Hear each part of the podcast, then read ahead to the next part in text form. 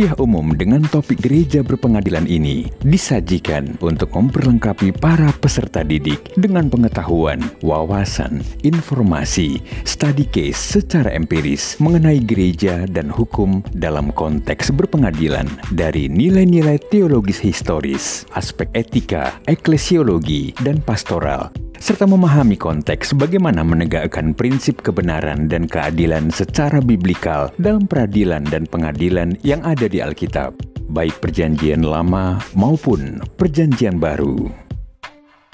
Mari kita saksikan dan simak bersama. Kali ini saya mengajak kita untuk membicarakan satu topik yang sangat sederhana sebenarnya, tapi saya menduga ini melibatkan banyak gereja di Indonesia bahkan di seluruh dunia. Saya mulai dengan pengantar uh, makalah, semoga sudah ada di tangan kita sekalian ya. Gereja sudah hadir atau gereja Kristen ya sudah hadir di dunia ini hampir 2000 tahun dan sering terlibat dalam berbagai perkara yang kemudian dibawa ke pengadilan. Entah oleh pihak yang mengadukan gereja atau mengadukan tokoh-tokohnya. Nanti kita akan lihat beberapa contoh. Ataupun yang dibawa oleh gereja itu sendiri. Entah itu warganya atau pelayan atau pejabatnya. Yang dibawa oleh gereja ini bisa atau yang diperkarakan bisa orang di luar gereja. Tetapi tidak jarang yang diperkarakan teman segereja. Nah, di Indonesia hal ini masih terus berlangsung hingga kini. Nanti kita akan lihat sejumlah contoh. Nah, kenyataan ini menimbulkan pertanyaan, bolehkah gereja berpengadilan? Itu kan judul dari percakapan kita sore ini. Kalau boleh, apa dasar dan alasannya? Kalau tidak boleh, apa pula alasan dan pertimbangannya? Perkara macam apa yang boleh atau yang tidak boleh atau yang sebaiknya jangan dibawa ke pengadilan. Nah, kuliah umum ini tidak akan mengkaji topik ini dengan sangat teknis dan rinci, juga tidak mendalam dan tuntas. Disajikan di sini beberapa contoh dari Alkitab, dari sejarah gereja, dan juga saya mengajak kita untuk melihat masalah ini dari aspek etika, eklesiologi, dan pastoral karena itu saya juga meminta kehadiran rekan-rekan dosen dari bidang itu. Pak Borong saya minta hadir, di mana beliau? Ah, beliau ini dulu menulis satu tesis yang nanti ada kaitannya dengan topik ini. Saya harap beliau memperkaya nanti. Dari bidang eklesiologi adakah uh, Pak Lasarus ya, ya? Tapi saya lihat tadi sepintas ada rekan kita Pak Alpius Pasun. Mana beliau? Sudah ada dia sedang studi eklesiologi. Nah, kemudian juga dari aspek pastoral ada mungkin saudara Besi Mesa atau siapa pun. Nah, mari kita mulai dengan melihat selayang pandang peradilan di dalam Alkitab. Oh, tentu para pakar biblika juga saya harap nanti ikut mengajukan pengayaan juga kritik ya. Siapa ahli biblika kita yang hadir sore ini? Ya? Ya pokoknya banyak lah. Ini Bapak Ibu yang saya lihat di depan saya ini wajahnya mencerminkan Alkitab. Jadi sudah hafal Alkitab, sangat Alkitabiah. Termasuk rekan saya pendeta Didi yang sudah ada di tengah-tengah kita yang baru saja memimpin satu acara di gereja kami. Nah itu Bapak sekalian, kalau kita melihat Alkitab kita ini sekarang sudah nggak laku Alkitab ini ya, yang ada kan HP suci atau apa namanya di kantong kita masing-masing. Di bagian perjanjian lama kita menemukan cukup banyak contoh yang mengemukakan kisah menyangkut peradilan dan pengadilan dalam rangka upaya menegakkan keadilan dan kebenaran.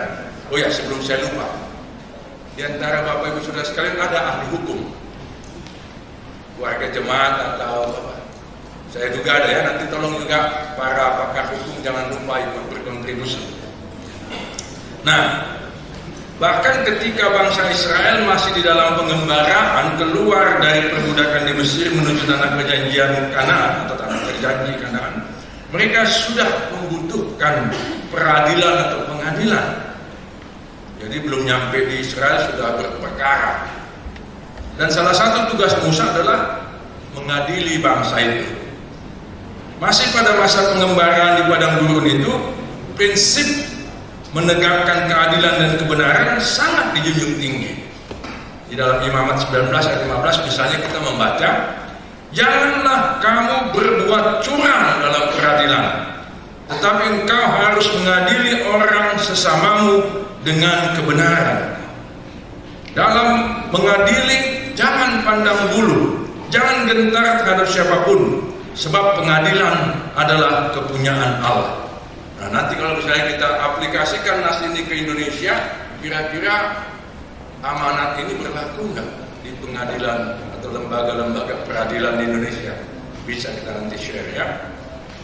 Sesudah bangsa Israel bermukim di tanah terjanji Kanaan, mereka dipimpin oleh hakim-hakim yang tidak hanya berfungsi sebagai penyelenggara dan pemutus perkara, perkara peradilan, melainkan juga para hakim ini menjadi kepala pemerintahan kita ingat banyak nama ya apakah itu Otniel Simpson bahkan dan terakhir Samuel.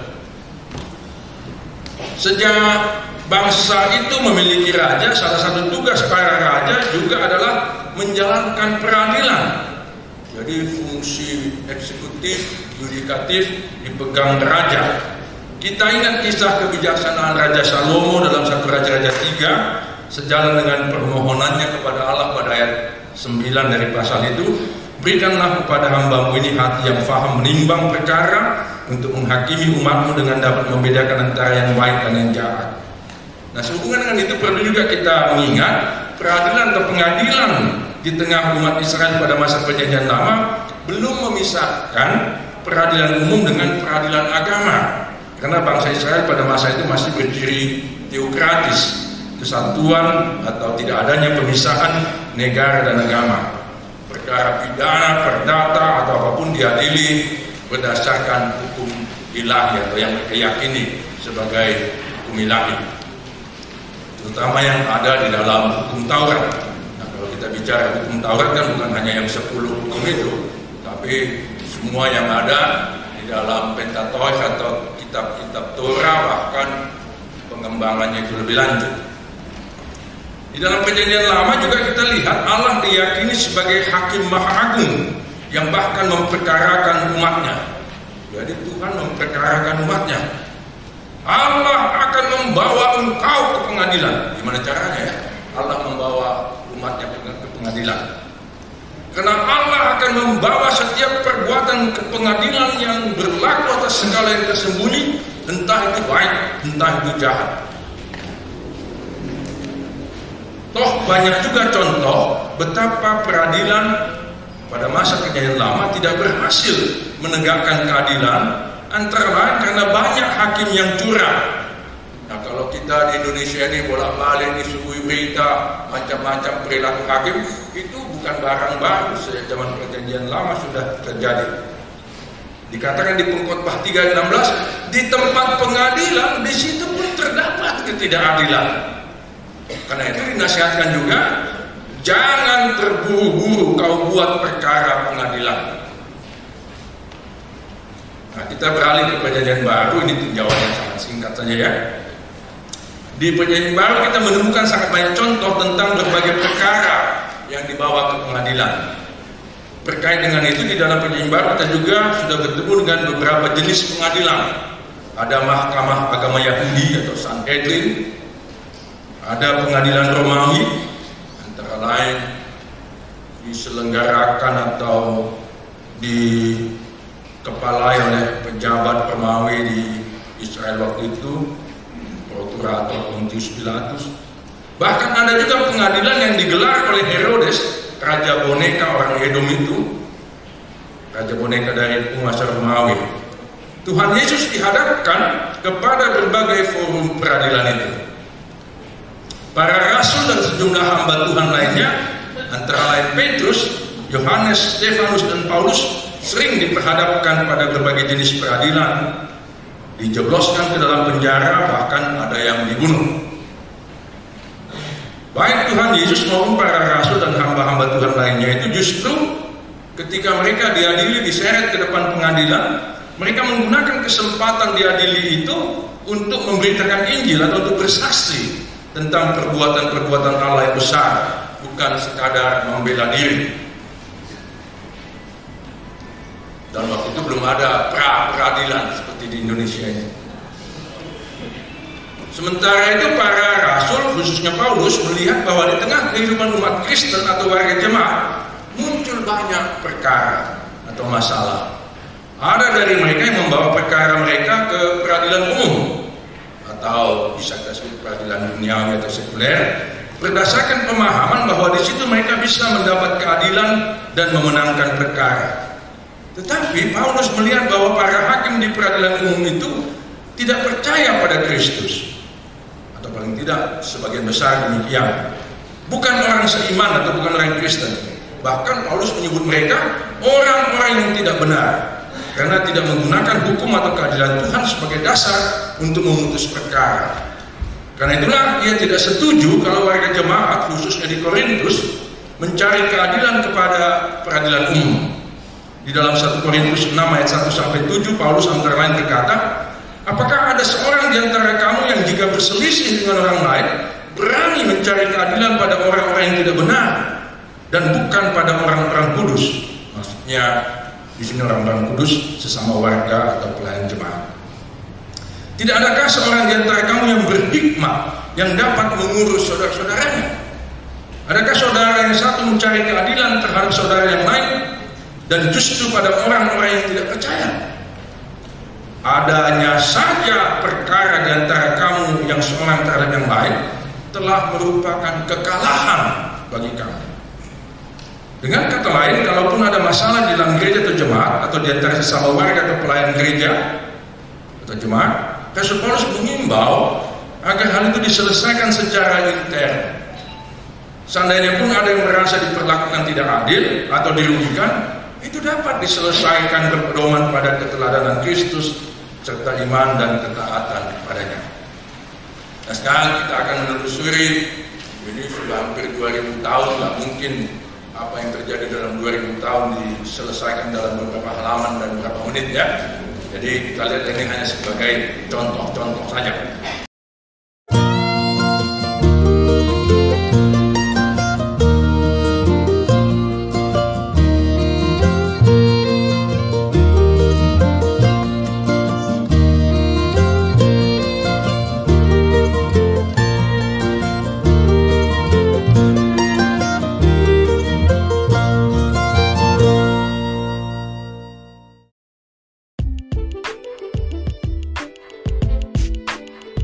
Komparatif yang dieksplorasi terhadap topik gereja berpengadilan ini diharapkan dapat memampukan peserta didik untuk memahami nilai-nilai fundamental, prinsip kebenaran, dan penegakan keadilan secara kontekstual dalam kehidupan bergereja dan bernegara saat ini, serta untuk mendapatkan inspirasi saat mengaplikasikan atau menghidupi nilai-nilai kebenaran dan keadilan tersebut dalam proses kehidupan, profesi, maupun pelayanan gerejawi, serta dalam kehidupan sehari-hari di masyarakat.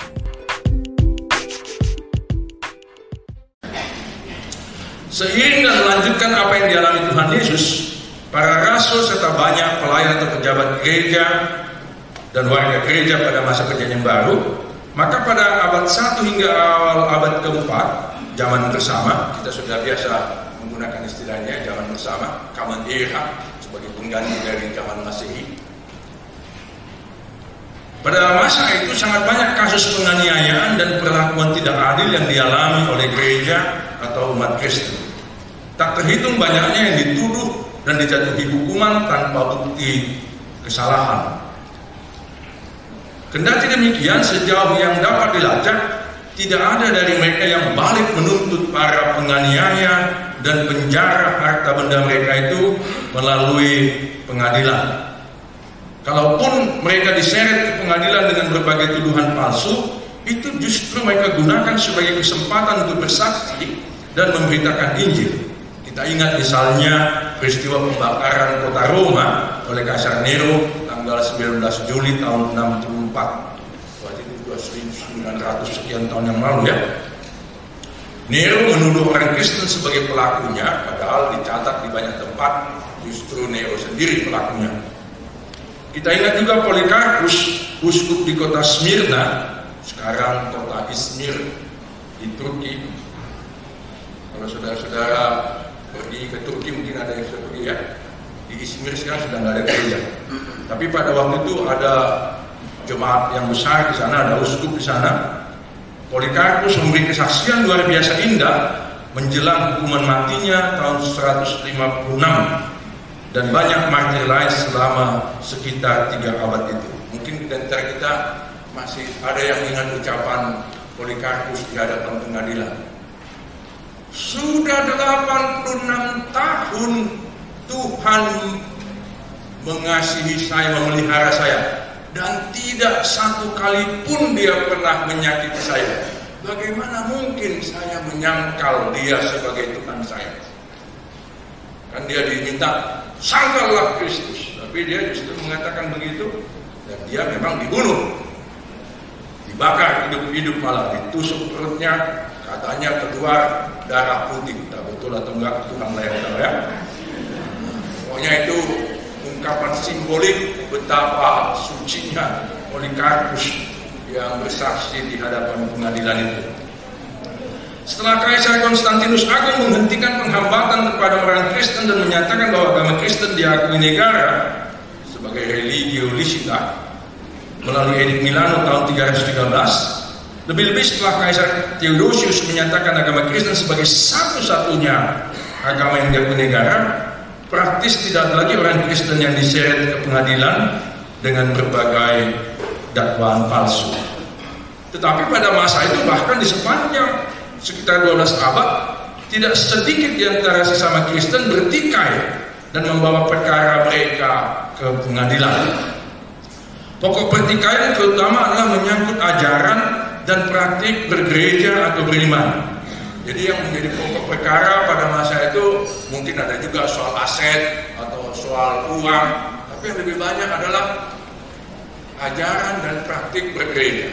Nanti kita akan lihat banyak orang melalui pengadilan dihukum karena dianggap menyampaikan ajaran yang sesat atau memperlihatkan cara bergereja yang sesat.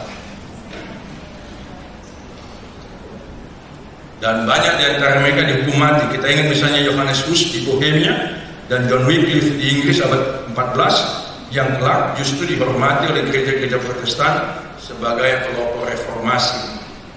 Sebagai catatan sampingan, kawan-kawan dari gereja Katolik juga sekarang sudah ikut menghormati Yohanes Hus dan John Wycliffe ini. Walaupun dulu gereja Katolik yang menghukum mereka. Nah Martin Luther salah seorang tokoh utama reformasi gereja pada 16 berulang kali dihadapkan ke pengadilan oleh gereja Katolik Roma yang berkonspirasi dengan kekaisaran Jerman Raya. Walaupun kadang-kadang dia diculik oleh pendukungnya, disembunyikan untuk menghindarkan peradilan palsu yang bisa membawanya pada hukuman mati.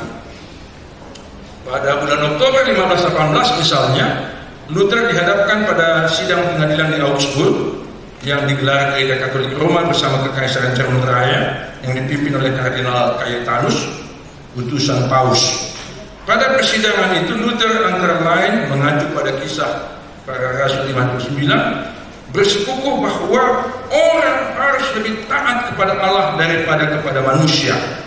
Dengan itu Luther menegaskan bahwa Paus adalah manusia. Dalam debat teologis atau lebih tepat pengadilan di Leipzig tahun berikutnya, Luther mengucapkan kata-kata yang sangat terkenal dan yang mencerminkan seluruh sikap dan jawabannya terhadap gereja Katolik Roma sekaligus keteguhannya berpegang pada prinsip dan keyakinannya. Here stay ich kann nicht anders tun. Di sini aku berdiri, aku tidak bisa berbuat lain. Dan waktu itu dia membawa setangkai apa bunga mawar yang lalu menjadi simbol gereja Lutheran.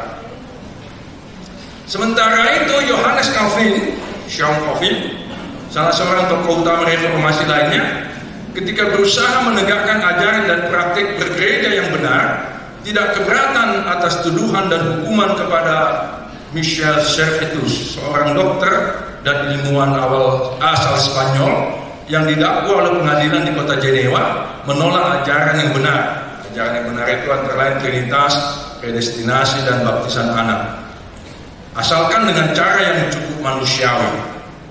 Nah, bagaimana menghukum dengan cara yang cukup manusiawi tidak terlalu dijelaskan. Ternyata Servetus dijatuhi hukuman mati oleh pengadilan pemerintah Jenewa dengan cara dibakar hidup-hidup. Jadi gaya pemerintah Romawi pada zaman Polikarpus tadi atau terhadap John Wycliffe itu. Ia difonis melakukan kejahatan besar yaitu menyampaikan ajaran sesat yang akan meruntuhkan kebenaran iman Kristen. Nah, sampai sekarang kasus Servetus ini masih sering diperdebatkan bahkan dinilai sebagai contoh intoleransi di dalam gereja termasuk di kalangan Protestan. Kita sering berteriak-teriak mengeluh sikap intoleran dari kawan-kawan di luar gereja. Kadang-kadang atau bahkan dalam banyak contoh gereja juga bersikap intoleran pada warganya